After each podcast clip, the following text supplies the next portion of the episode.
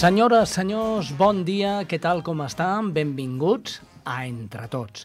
I què és Entre Tots? Un programa que parla de discapacitat i malalties cròniques.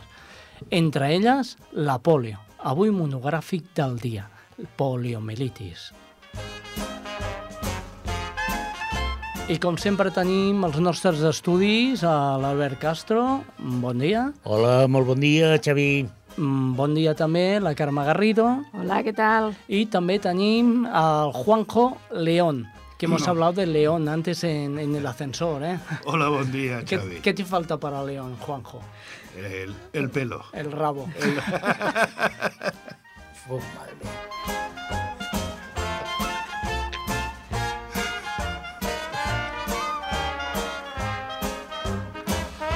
I què farem avui al programa Entre Tots? Carme, què t'hem preparat? Mira, com a tema mm, principal parlarem de la poliomielitis, que aquests dies hem commemorat com cada any el Dia Internacional. Per tant, el, el, dia, el, el tema del dia parlarem del... farem un monogràfic, parlarem de la polio no és història, la situació i estadístiques i sobretot què necessitats tenim eh, els, eh, els afectats de, de polio. En aquest cas eh, entrevistarem a la Joana Rodríguez, que és la presidenta de l'Associació Catalana de Polio i Postpolio. Espera't un moment, Carme, perquè crec que la tenim a l'altre costat del telèfon. Ah, perfecte, perfecte. Joana, bon dia. Hola, bon dia. Abans de res, moltes gràcies per atendre la trucada d'entre tots. Gràcies a vostè per comptar amb mi. Hola, Joana, bon dia. Bon dia. Soc el Xavi Casas, eh? el company d'Entre Tots d'aquí del programa de ràdio. Joana, eh, sentim a parlar molt de la poliomielitis, ara està de moda, de fet fa poc ha estat el Dia Mundial no? de la poliomielitis, Sí. però nosaltres no sabem què és. Bueno, els meus companys sí, jo no. Què és la poliomielitis? Bueno, això és una, mala- una malaltia vírica que va, va, va, haver un, bueno, va haver una epidèmia entre els anys 52 fins al 64 eh, perquè no hi havia la vacuna. Ara pues, està eh, erradicada d'Europa, només queden dos països, d'Afganistan i un altre també dels països àrabes.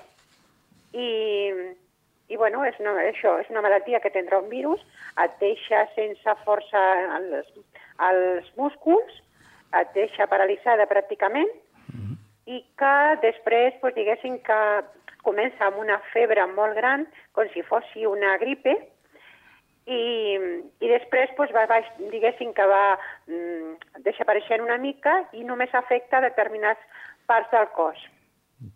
Joana, eh, tu ets la presidenta de l'Associació Catalana de, de Polio, no? Sí, sí.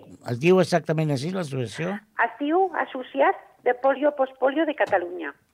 Ah, postpolio. Explica'ns una mica això del postpolio que és. Bueno, pues això és, o sigui, hem patit la polio i eh, quan arriben més o menys 45-50 anys de les persones afectades, pues apareixen una sintomatologia, que és un cansanci, és una fatiga crònica, és una eh, des d'un debilitació de les, dels muscles, dels que et quedaven teòricament que no estaven afectats, pues ara estan, es senten afectats i perden la força. Eh, això a l'any 2002 al, a la Universitat de Carlos III de Madrid van fer una investigació i es va diagnosticar que era un síndrome postpolio. Hola, Joana, soc la Carme Garrido. Hola, bona tarda. Bona tarda, Joana, Què tal? gràcies. Gràcies per rebre la nostra trucada. Joana, jo, em consta eh, que últimament us heu reunit l'Associació de Polio i Postpolio amb diverses eh, responsables institucionals per eh, transmetre les nostres sol·licituds, de les nostres demandes, les carències que estem patint. Com tenim tot això? Ens pots fer una miqueta de resum? Pues sí, bueno, nosaltres de cara aquí a Catalunya sí que hem fet diferents mocions demanant una jubilació anticipada, que tenim un problema en què van fer una llei que demanaven 15 anys de cotització amb un 45% de discapacitat i el problema de la polio és que ens valoraven amb un 33%, per tant no, no podem sol·licitar la, la, ai, la, la jubilació La anticipada. jubilació. Per tant, Uh -huh. estem, estem fent una demanda de que aquesta llei es canvi. Després, a nivell sanitari, perquè resulta que no hi ha hospitals de referència. Uh -huh. Ara, amb el, s'han inclòs amb la malaltia minoritària per la síndrome postpolio. I eh, llavors, amb, per, per, per, per la síndrome postpolio sí que tindrem hospitals de referència que faran investigació. D'acord, d'acord. A nivell de rehabilitació, que és una demanda molt, molt permanent per part dels afectats, perquè ho necessitem molt, com Sí. ho tenim? Perquè és un tema que també, eh, per exemple, de, de, per part de CatSalut, ho han Sí. derivat a serveis comunitaris i és molt complicat, perquè ens toquen eh, unes quantes sessions a l'any només. Sí. Eh, per aquesta banda també hem, hem, dintre de les malalties minoritàries uh -huh. consideraran una rehabilitació més personalitzada. De totes maneres, nosaltres, a més a més, uh -huh. amb salut, estem negociant perquè eh, per fer això una, una rehabilitació més personalitzada i més llarga, o sigui, no siguin unes sessions a l'any, sinó necessitem més sovint. Clar. Eh, també bueno, hem fet una carta bueno, a, vam anar a Burgos, que es van fer unes jornades, Sí, i aquí vam fer un grup de totes les associacions que hi ha a Espanya, que estan a Burgos, ai, a Burgos, no, perdona, a Sevilla, ai, a Sevilla, Màlaga, eh, Còrdoba, València, País Basc, nosaltres i Madrid. uh -huh. molt bé. I, i bueno, ja, ja a Tenerife també hi ha un altre, hi ha Astúries. Llavors ens vam juntar i vam dir de fer una carta al Congrés dels Diputats eh, i al govern demanant pues, això que volem, lo de la jubilació anticipada, que volem una sanitat amb un protocol d'actuació de cara a la polio més, més personalitzat i això ho vam fer el mes passat Uh -huh. i estem a l'espera de la contestació del Ministeri. Molt bé, doncs ens estarem contactant tu i ja ens eh, aniràs informant de com Sí. van els tràmits. Sí, sí, en principi ja t'hi que estem esperant. Eh, la, el segon pas és, eh, depèn de la contestació que tenim, pues, totes les associacions, a veure si podem aconseguir tenir una entrevista Perfecte. amb la ministra de Sanitat. Molt bé. El problema que tenim ara és com, com que estem a les portes Clar. de les eleccions, Sí. pues, tot això està parat. Està enrederit, clar. Això mateix. Però eh, tenim la confiança que quan surti el govern que surti, nosaltres estarem a l'atac una altra vegada. I tant. Joana, aquí a Catalunya quanta gent teniu associada a la vostra entitat? A la nostra associació hi ha eh, 180 persones. Mhm. Afectats de polio a Catalunya hi ha 8.000 persones. Mhm. Una quantitat important, eh? Sí, sí, sí. Mhm. Doncs, Joana, no volem eh, entretindre't més. No, simplement dir, Joana, eh, una mica ha passat com al síndrome de, de fibromialgia i fatiga Sí. crònica, que no era reconeguda per, No. per l'Estat, per salut pública, Sí, i que finalment es va reconèixer la fatiga crònica. sí. Val? Així, tota la gent que tenia fibromialgia van haver d'acudir amb advocats dient que el que tenien era fatiga crònica, d'alguna manera perquè reconeguessin la malaltia. La malaltia. Pues nosaltres tenim el mateix problema, o sigui, què passa? Sí que, a veure, va ser una epidèmia, sí que ja som un col·lectiu que patim la polio, però costa molt de que nosaltres, per exemple, ara tenim, volíem aquest any, la, la televisió TV3 la, fa la marató, la Fundació de la Marató, nosaltres volíem entrar com malaltia minoritària, que és Sí. el que representa aquest any, i bueno, per el fet que és postpolio, estem tenint moltíssims problemes per poder participar. Joana, eh, quina diferència hi ha entre polio i postpolio? A veure, la polio va ser el virus que, que nosaltres vam patir de petits Mhm. i que, bueno, eh, vam tenir una sèrie d'intervencions, vam tenir eh, rehabilitació, que llavors de petits sí que ens feien, i, bueno, eh, vam tenir una vida, vam aconseguir una vida més o més normal, però no patíem de dolor ni de cansanci. Hem sigut unes persones molt actives, Mhm. amb una, molt esportistes, i la, la postpolio és, és una... No sabem si és una derivació, suposo, que no s'ha comprovat exactament, però és una conseqüència de la polio. El problema està que hi ha molt cansanci, hi ha molt dolor, que té, Clar. aquest és el major problema, perquè patim Sí. molt dolor i molta fatiga. Sí. Llavors, des de els símptomes són molt diferents. Estem patint, cosa que abans no patíem. Exacte. És el problema Abans, abans tenim. havíem perdut mobilitat, però amb la Sí. mobilitat que teníem cadascú anàvem fent. Això I així. I així hem fet la vida laboral, familiar, Sí, sí, sí, acadèmica, sí, sí. etc. Hem fet, un, hem fet un, un sobreesforç molt important, oi, Joana? Sí, sí, sí, I sí. això és, és el que s'acusa, aquestes seqüeles, Ara, a partir això. de determinada edat i s'ha diagnosticat com a postpolio. com a síndrome postpolio. El problema està que com que no és, com que no és una malaltia que no s'està investigant quin és el motiu, o sigui, cadascú, pues, com que no hi ha un, un hospital que faci una investigació, que per això nosaltres volíem participar a la Marató de TV3 perquè inver, invertissin una quantitat en la síndrome fer una, una mica d'investigació, llavors, clar, eh, tenim tots la mateixa sintomatologia, que sobretot és el cansanci i el dolor, la intolerància al fred, que a l'hivern Sí. no podem sortir al carrer perquè les cames ens fan mal del, del dolor, que, del, de la intolerància al fred, Llavors, lo- nosaltres el que volem és això, que es- s'investigui. Què passa amb això? Que, vale, hem tingut una polio, però és que ara estem patint més que quan vam agafar la polio. Exacte. És un tema interessant. Joana Rodríguez, sí. Sí. t'agraïm moltíssim la teva atenció amb el programa Entre Tots i fins una altra. Pues moltes gràcies a vostès. Gràcies, una abraçada, Joana. Gràcies. Vinga, fins una altra. Adéu. Adéu, adéu. Adéu. Què passaria si mengessis només una vegada? Que al cap de poques hores començaries a sentir fatiga i mareig. Després et baixaria la pressió i la temperatura corporal. Et sentiries molt feble i perdries el coneixement. Què passa si dones sang només una vegada? Que al cap de pocs dies ens comencen a faltar glòbuls vermells.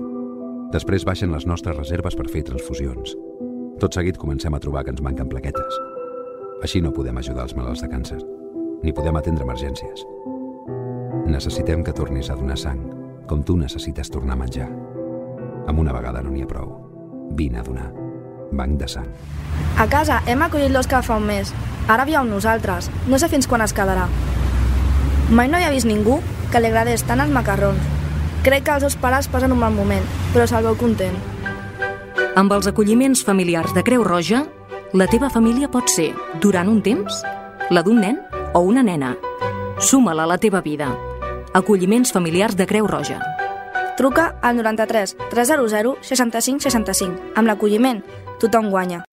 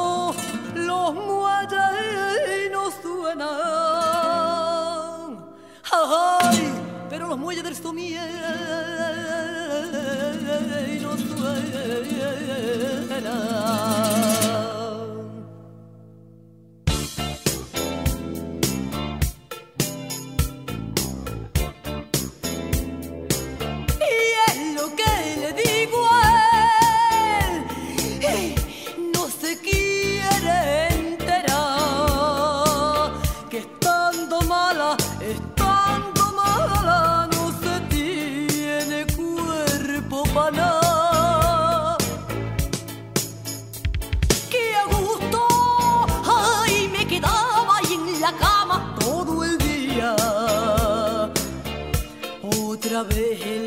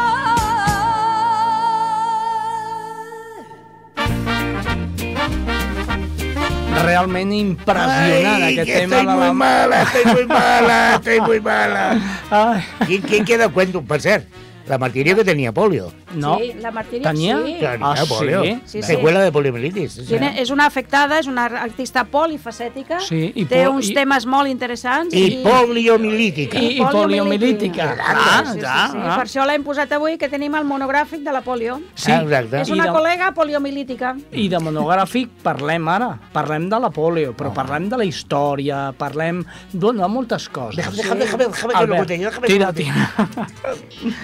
A veure, és, és molt, molt important eh, el tema històric de la polio perquè explica moltes coses. A veure, situem-se, d'acord? Anys 50 eh, a Espanya. La sanitat estava com, pues com està, estava tot ahí, molt malament. Hi havia molts i molts casos de d'infecció de polio, perquè és, és una malaltia epidemiològica. Hi ha epidèmies d'aquesta malaltia, d'acord? Aleshores, eh, mentre que, sobretot als Estats Units, als anys 40, ja va haver-hi una gran sensibilització del tema de la polio i, de fet, Hollywood i els grans artistes de l'època van fer campanyes per a la vacunació dels nens i nenes de polio i mentre que Europa, a començaments dels 150, eh, es va començar a vacunar eh, massivament a la gent, als nens, Espanya es va negar aquesta evidència. De fet, el franquisme va negar durant 8 anys l'existència de l'epidèmia de poliomielitis a Espanya. Bueno, i podríem dir, bueno, mm, mala sort. Però és que això... No, no riguis, fica zero. És que No, home, ri- clar. Ri perquè és qüestió d'economia.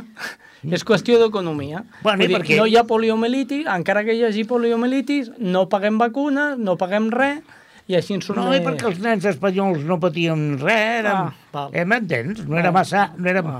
arios, però quasi, quasi. Vale. Aleshores, eh, això que pot semblar una xorradeta és molt important. Per què? Perquè ens trobem en què molta gent amb la mateixa edat té la mateixa malaltia.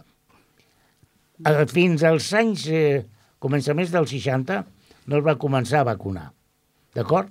I com era una epidèmia que afectava majoritar majoritàriament nens petits, això va provocar una, el que a mi m'agrada anomenar, la generació polio. Sí, que eren nenes, fonamentalment. Una dit, epidèmia. no? Això va generar una epidèmia de Ja bo. a Espanya. No, Això les va coses- generar una generació Això de nens i nenes. S'han de dir les coses pel seu nom. Va provocar una epidèmia, però aquí n'hi havia una dictadura que negava la realitat. Ja I estamos, això és, ja i estamos, això és ja el que va estamos, passar. ja I aquí estem, aquí estem a la, aquesta generació de la polio, que 50 anys més tard pues, encara estem aquí batallant No avancis aconteixements. perquè el que jo vull dir és que aquests nens, que més o menys teníem la mateixa edat, van Nenes, començar a créixer. Nenes, nenes. Nenes. Nens i nenes. No ho sé, ah. Va, ja oh, és que la igualtat... és la igualtat, Sí, això. però el llenguatge, el llenguatge és el llenguatge. Ah, ja està, nens, no, no nenes. entreguem amb això. Ah. Doncs hi, hi havia una generació de nens i nenes Ah, que més o menys quan van començar a tenir entre els 0 anys i els 5-6 anys, el gran problema era anar a metges. I tothom vam començar a anar, que si un curandero aquí, que si hi ha un metge a Manresa que diuen que fa miracles, que si ara prova aquesta medicació, que si ara posa una, ben, una, una espelma a Santa Carmeta... La qüestió és que quan les famílies van dir, escolta, prou, prou d'anar amunt i avall, vale. D'acord? Aleshores van trobar que un grapat important de nens i nenes ah, tenien el problema escolar. Bueno, i va començar tota una lluita, aproximadament entre els anys 63-64 fins al 66-67, de que les famílies volien portar els nens a l'escola. I què deien No, les escoles? Que no, que no ens No, deixaven. no. Que no ens volien. Que no ens volien. I si eren nenes, encara menys. Ja estamos. Eh? No, I no, és la aquesta sempre realitat. portant És la a la seva realitat. sardina. No, no, és la realitat, la, la crua realitat. Ai, la crua realitat. Ai, que et posa de baix. Bueno, el cas és que aquests nens, millor o pitjor, I i, nenes. les nenes, Ah, va, van anar a l'escola Sí. i van començar tard.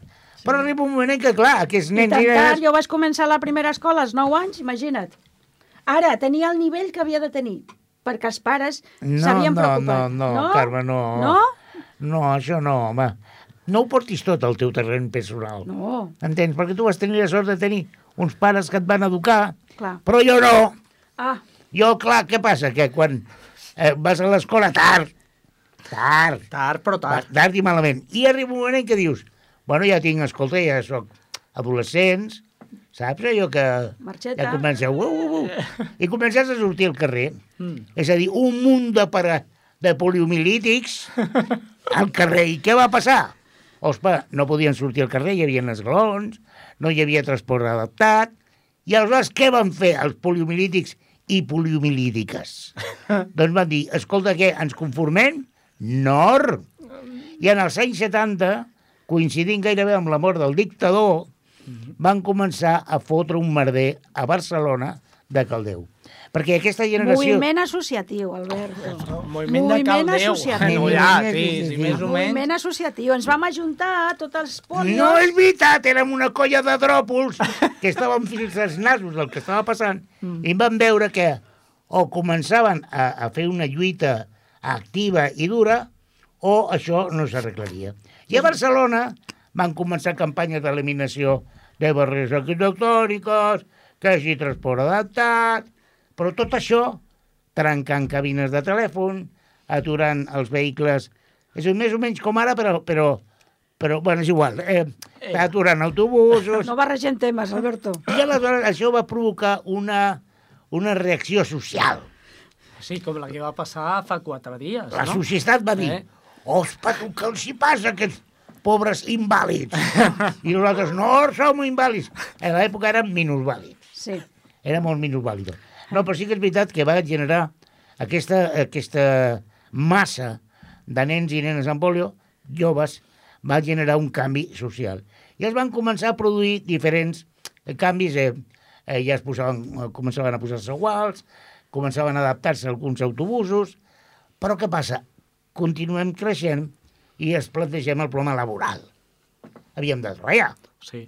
perquè, clar, Com això cualquier, caldero, com cualquier hijo això de caldero. Clar. A ti t'atropella un camió i tens una pensió i una indemnització. A nosaltres ens va atropellar un virus i res de res.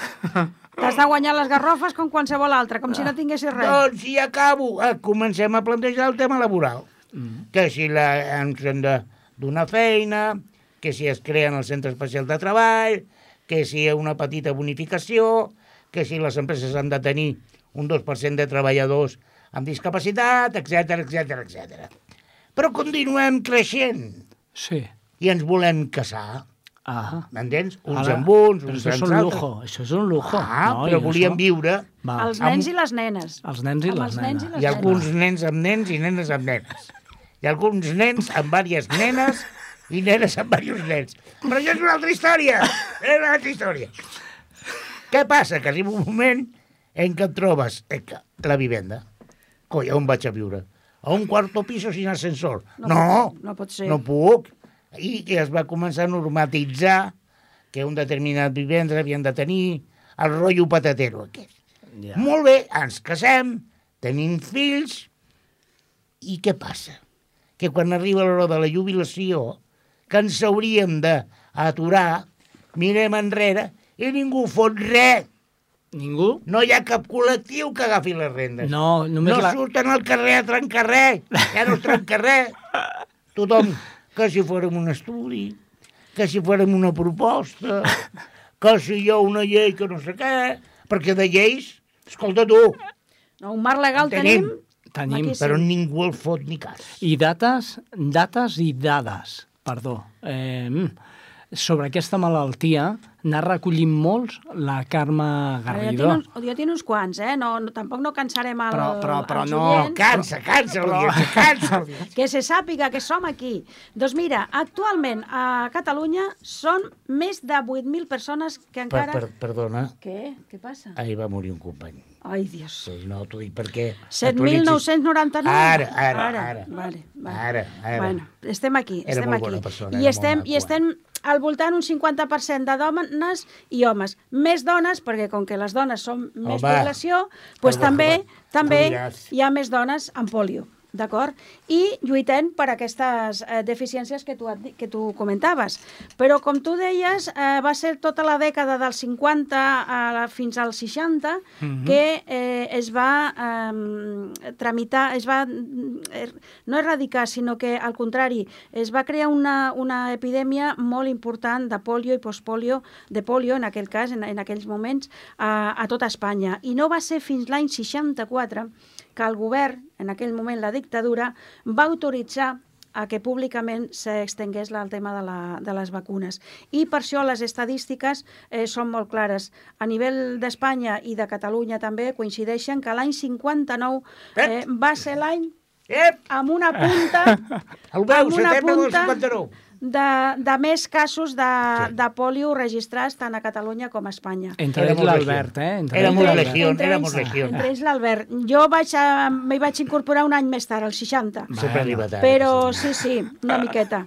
I, I va ser a partir del 64 que eh, paulatinament van començar a, a baixar les, eh, aquests casos de polio, tot i que encara es continuaven eh, donant. Actualment, per això és molt important, perquè eh, actualment es parla molt de natura, de tractaments naturals, Sí. de no vacunar els nens. Si plau, amb les... no juguen amb les coses de dinar, de menjar, perquè és molt important vacunar els nens. Mm, No entrarem en polèmica de si laboratorios sí, laboratorios no. Vacunem a la canalla, que és molt, molt important. I quin és la, Aquí, el tema avui, avui en dia, Carme? Avui en dia és què, que què les passant? persones, com deia l'Alberto, que tenim més de 50 anys Mhm. i que convivint amb la polio tots aquests anys, com que hem fet per tot això que ha explicat ells, que ho ha fet en, en clau d'humor, però és la crua realitat, Mhm. hem fet un sobreesforç tan gran durant tants anys que eh, ara ens apareix el síndrome postpolio. És una segona fase de la malaltia on apareix més el cansament, la, el dolor, eh, la fatiga, eh, te lleves cansat, te'n vas a dormir cansat, no te'l treus el cansanci de sobre i sobretot el dolor.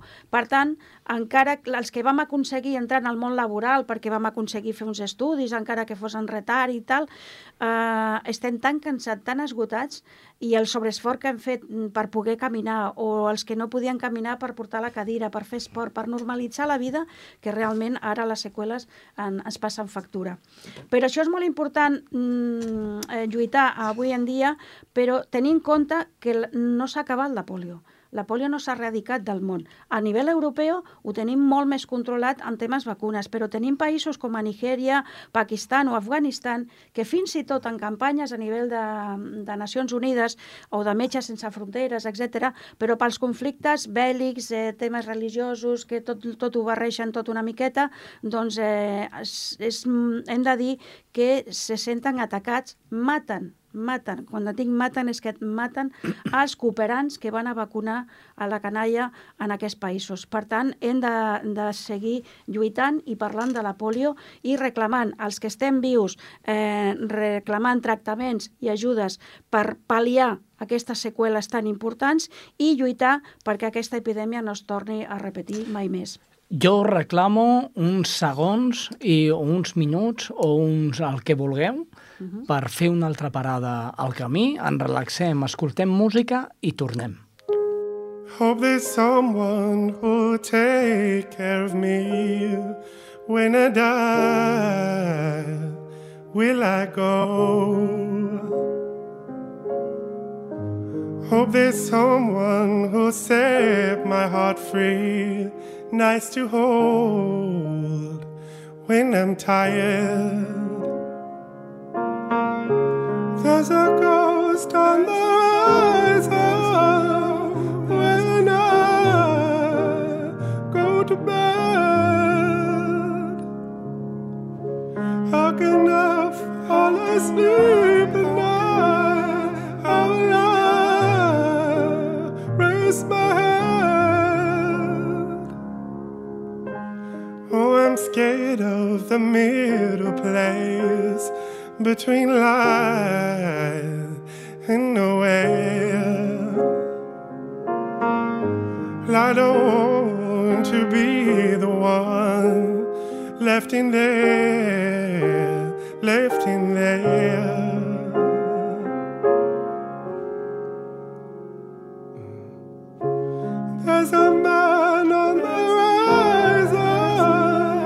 Wish that I go to bed.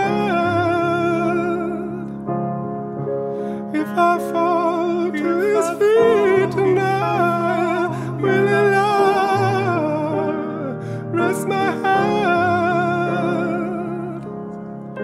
So he's hoping I will not drown or paralyze in life. Don't want to go to the seas watershed. Hope there's someone who'll take care of me when I die.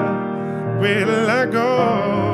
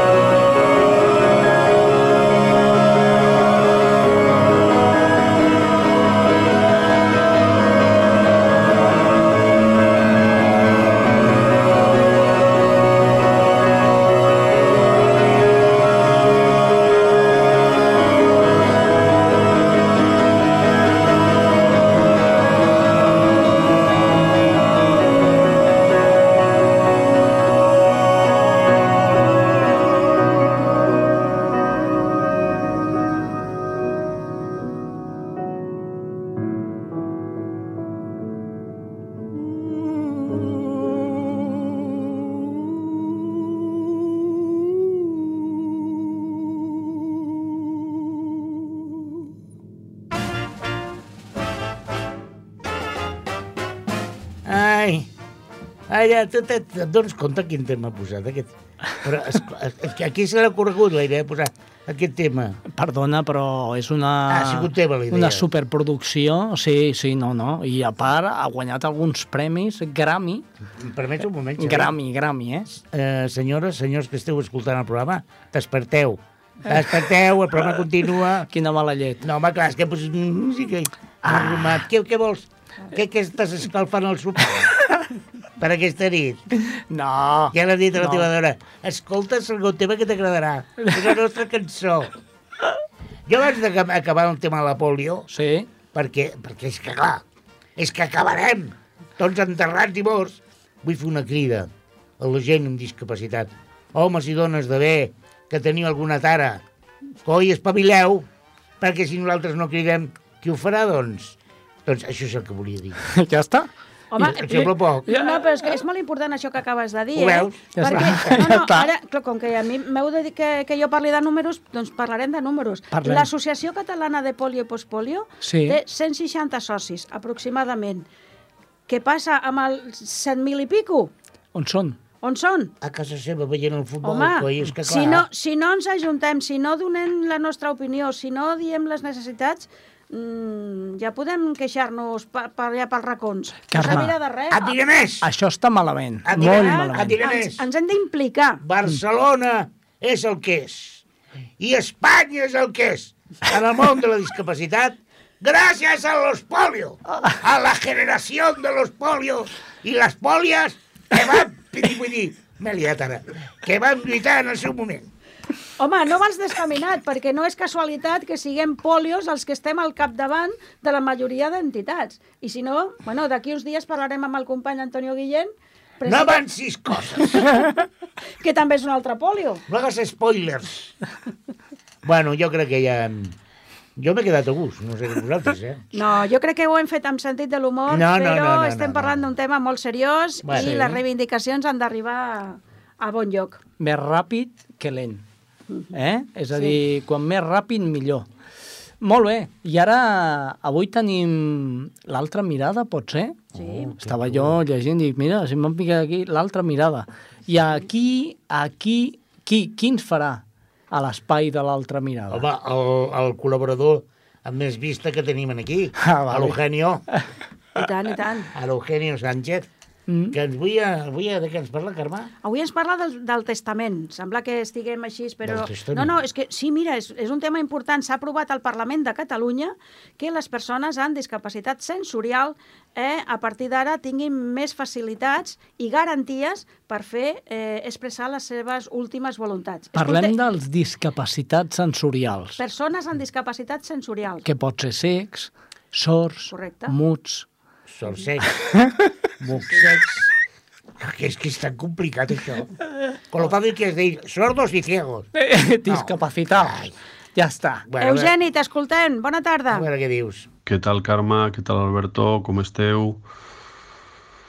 Doncs avui us porto una magnífica notícia. Ja us ho vaig anunciar en el comentari anterior i és la que va tindre lloc al Parlament de Catalunya aquest passat 9, 9 d'octubre. Uh, es va aprovar, per cert, amb el suport de tots els partits parlamentaris, és a dir, en 130 vots a favor, que això ja de per si és una magnífica notícia, la modificació del quart llibre del Còdic Civil de, de Catalunya.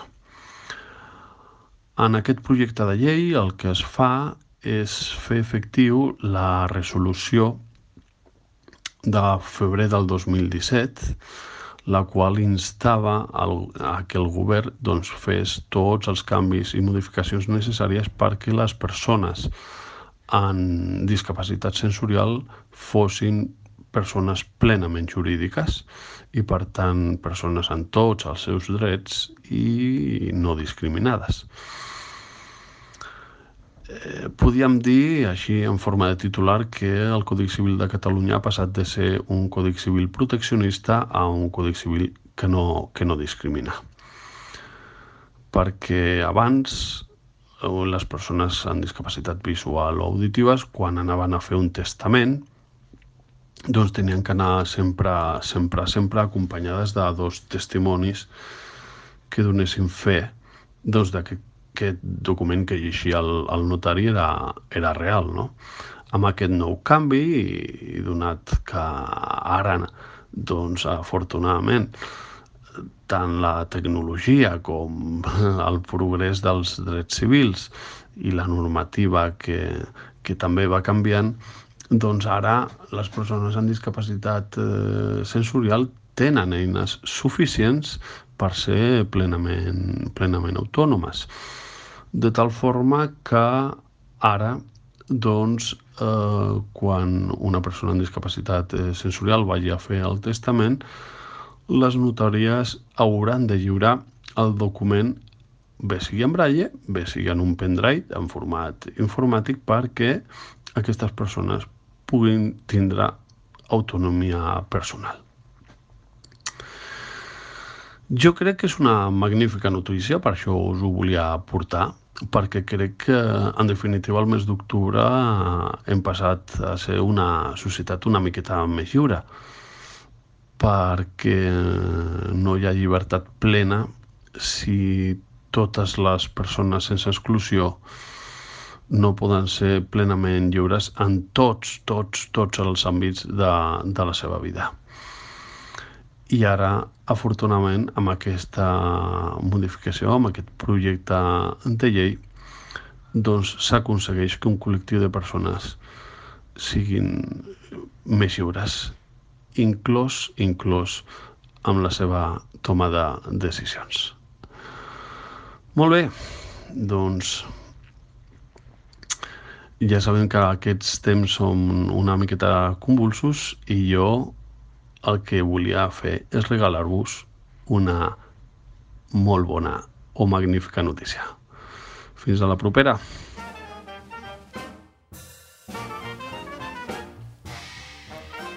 Molt bé, doncs eh, ja ho teniu clar, no? Claríssim. Ja ho te- teniu claríssim tot el que hem Claríssim. parlat. Mare Senyors, Déu, eh, estem rient com a bojos aquí l'estudi, però la cosa és que és molt sèria. Llavors, per treure una miqueta de ferro a l'assumpte, eh, doncs riem, riem. I riem Albert, Ridi, Pagliato. Però, es... però escolta'm, tant riure, tant riure, tant riure, vosaltres sabeu què és un ictus? Uah, un ictus és... Home, pues, en, en, en, és una cosa molt sèria perquè és una de les patologies que més discapacita actualment. Carme, Compte. para ja d'estadístiques. Compte, eh? Home, és que algú ha de posar el contrapunt aquí, No, home, ni no? contrapunt, ni Aquí només parlem de Compte. poliomielitis i en No. aquest cas volem parlar d'ictus. Sí. Escoltem un reportatge que us he portat. El ictus es un conjunto de enfermedades que afectan a los vasos sanguíneos que suministran sangre al cerebro. Puede tratarse de una hemorragia cerebral, cuando uno de estos vasos se rompe, o de un infarto si una arteria se obstruye y no permite que la sangre se distribuya. El ictus se puede prevenir.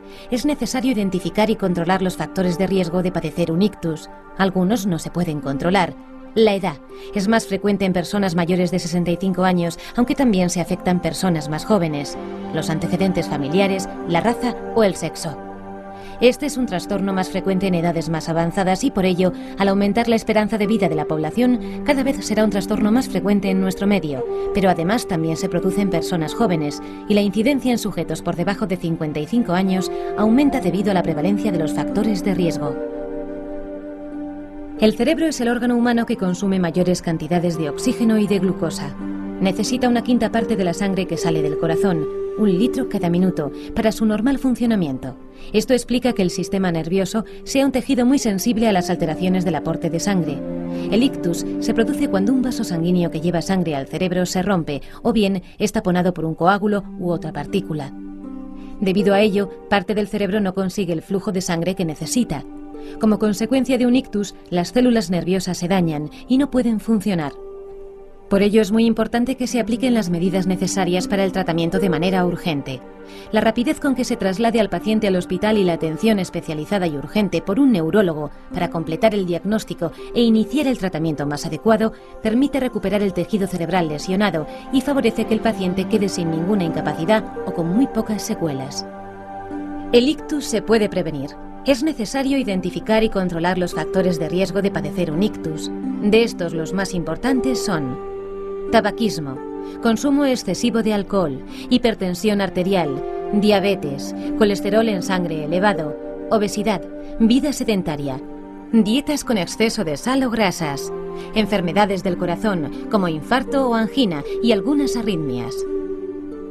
Además, los antecedentes de otras enfermedades de los vasos sanguíneos, angina de pecho infarto de miocardio, arteriosclerosis de los vasos sanguíneos de las piernas o de las arterias carótidas, pueden servir para que su médico le identifique como un paciente de riesgo y le ponga el mejor tratamiento preventivo. Para poder actuar de forma eficaz ante un ictus, es importante que todas las personas conozcan los síntomas de alarma que permitirán identificar que alguien está padeciendo este proceso para poder acudir rápidamente a los servicios médicos que le ofrecerán la atención neurológica y el tratamiento adecuado. Los síntomas de un ictus aparecen bruscamente. En cada caso dependerán de la zona del cerebro dañada por la alteración del flujo de sangre y pueden ser muy variados.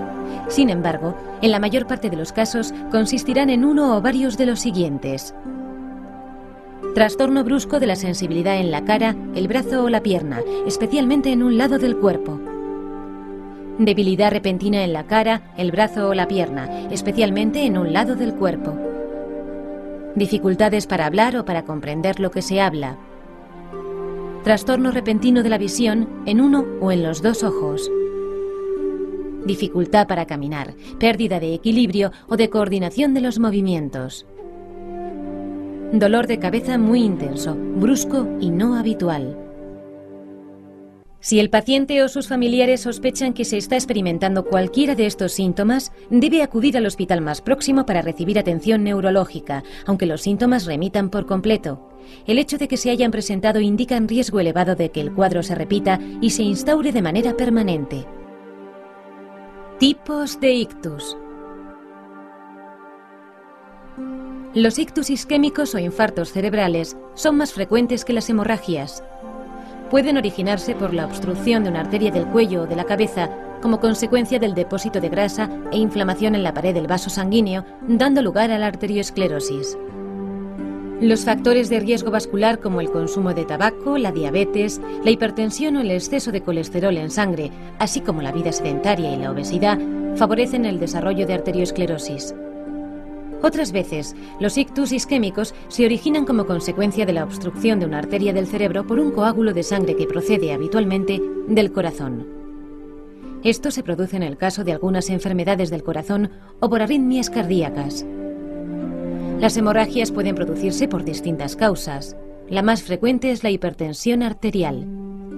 En un 20% de los pacientes, el ictus es originado por la rotura de una arteria del cerebro, originando un cuadro clínico grave denominado ictus hemorrágico o hemorragia cerebral.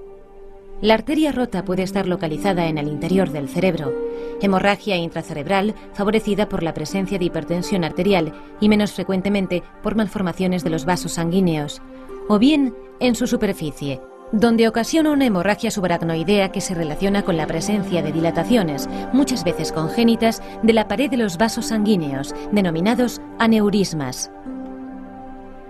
Tratamiento. Cuando un paciente tiene síntomas de estar sufriendo un ictus, debe acudir urgentemente a un hospital. En el hospital debe ser atendido por especialistas en neurología que iniciarán de manera urgente las medidas de diagnóstico y tratamiento adecuadas.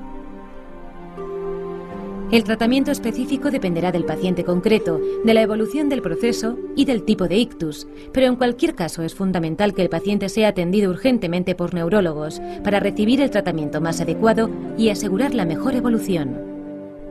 En el caso de los infartos cerebrales de menos de tres horas de evolución desde el inicio de los síntomas y en sujetos cuidadosamente seleccionados para evitar complicaciones, es posible la disolución del coágulo mediante la administración de fármacos por vía intravenosa. Este tratamiento, denominado trombólisis o fibrinolisis, permite restablecer la circulación cerebral y así mejorar la evolución y reducir las secuelas. Para que este tratamiento pueda ser aplicado de forma eficaz y con pocos riesgos, es muy importante que el paciente llegue antes de tres horas desde el inicio de los síntomas a un hospital y que sea atendido por neurólogos expertos. Solo algunas hemorragias cerebrales necesitan tratamiento quirúrgico para eliminar el hematoma, pero también se beneficiarán de tratamiento médico que ayude a evitar que el sangrado crezca. Cuando la hemorragia se ha producido por la rotura de una malformación vascular, puede ser necesario cerrar la misma para evitar que vuelva a sangrar. Esto puede hacerse mediante cirugía o desde dentro del propio vaso. Tratamiento endovascular mediante un cateterismo. En todos los casos se recomienda el manejo por neurólogos expertos en unidades especializadas denominadas unidades de ictus. En ellas se aplican medidas de diagnósticos, cuidados generales, tratamiento específico y control de complicaciones que permiten asegurar la mejor evolución para los pacientes. Una vez superada la fase aguda, los cuidados del paciente deben ir dirigidos a prevenir nuevos episodios y a rehabilitar las discapacidades residuales. La prevención dependerá del tipo de ictus y de su causa. El neurólogo indicará el tratamiento para controlar los factores de riesgo, así como fármacos para evitar la formación de las placas de arteriosclerosis o de nuevos coágulos, antiagregantes, anticoagulantes, fármacos para el colesterol, el azúcar o la hipertensión, así como el tratamiento más adecuado de la arteriosclerosis ya formada. Juanjo, Dime. hola. Tú tienes una noticia Yo que tengo- habla sobre el ictus, ¿no? Yo tengo una nueva noticia, una esperanza para el ictus. Bueno. Médicos del Hospital Gregorio Marañón de Madrid están aplicando un nuevo tratamiento para aumentar las posibilidades de rehabilitarse de las secuelas del ictus. Se trata de combinar la fisioterapia convencional con la estimulación magnética transcraneal, una terapia totalmente indolora con lo que se consigue activar conexiones neuronales en la zona cerebral que se pretendía estimular. Ah. Es una gran noticia y un avance en la ciencia. Sí, com una nevera que et posa imants al cap. Això és això. Ai, Però està bé que avancem en ciència i en recuperació d'aquestes patologies tan greus. Senyors, què diuen les xarxes socials? Una, una de les coses que diuen és aquesta. Tenim d'altres, que potser no ens donen, tema, no ens donen temps a dir-les totes. No, perquè jo, jo tinc el cotxe molt aparcat, és a dir... Però molt ràpidament direm que eh, l'aplicació que té la ONCE, que si entreu a la pàgina, de, de, pàgina web de la ONCE, eh, per fer denúncies i reclamacions i denunciar situacions de discriminació i defensa, que sapiguem que és una app que la podem tenir en el mòbil i d'una manera pràctica i senzilla doncs podem eh, tramitar aquestes denúncies. Sempre És molt important també que sempre estem protestant. al Sempre mes de novembre, i hem de recordar que el dia 25 és el dia contra la violència, Vale, doncs vale. Fermi Mujeres ha eh, sigut seleccionada per Nacions Unides per participar en la presentació del nou congrés que tindrà lloc al mes de novembre i en el marc del Dia Mundial dels Drets Humans. Aquesta comissió el que farà és explicar les discriminacions que encara patim les nenes i joves i dones que tenim algun tipus de discapacitat. I per últim, una altra bona notícia. Però, Carme, que no hi ha temps, que no veus? que multaran, filla. La Vol dir, ONCE, la ONCE també hi ha fet un document de, que explica com fer accessibles, no, i que això ens interessa, per Sí. fer fires, concerts um, i activitats, festivals i tal, doncs tot això és oci i tenim dret i passar-s'ho bé, però ha de ser accessible. Bueno, hem de comprar una rampa, no? Que Exacte. van comprat aquí a Ripollet. eh? Exacte. Una rampa... Sí, això, eh, d'això parlarem algun dia. El no va más. De la rampa de Ripollet. Senyors, si us sembla bé, ho deixem aquí Sí. i ens emplacem d'aquí a 15 dies. Deixa'm que recordi, Xavi, les xarxes socials que ens trobaran al Twitter, al Facebook, a l'Instagram, eh, i podran seguir-nos i trobar les activitats que anem fent el dia a dia. I tenim un correu, un correu electrònic, info arroba entretots.org. Esperem les seves aportacions, notícies, queixes, alguna cosa, escrivi, escriviu, ens, ens dieu cosetes, vinga, va, ànims. Molt bé, doncs Alberto Castro, Carme Garrido y León.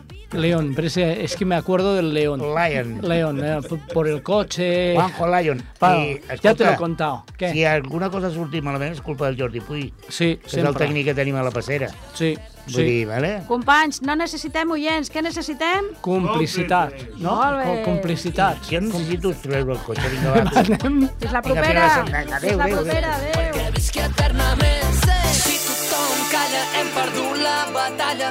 Si tothom calla, hem perdut la batalla. Si tothom calla, si tothom calla, la nostra veu falla si el teu cos no balla.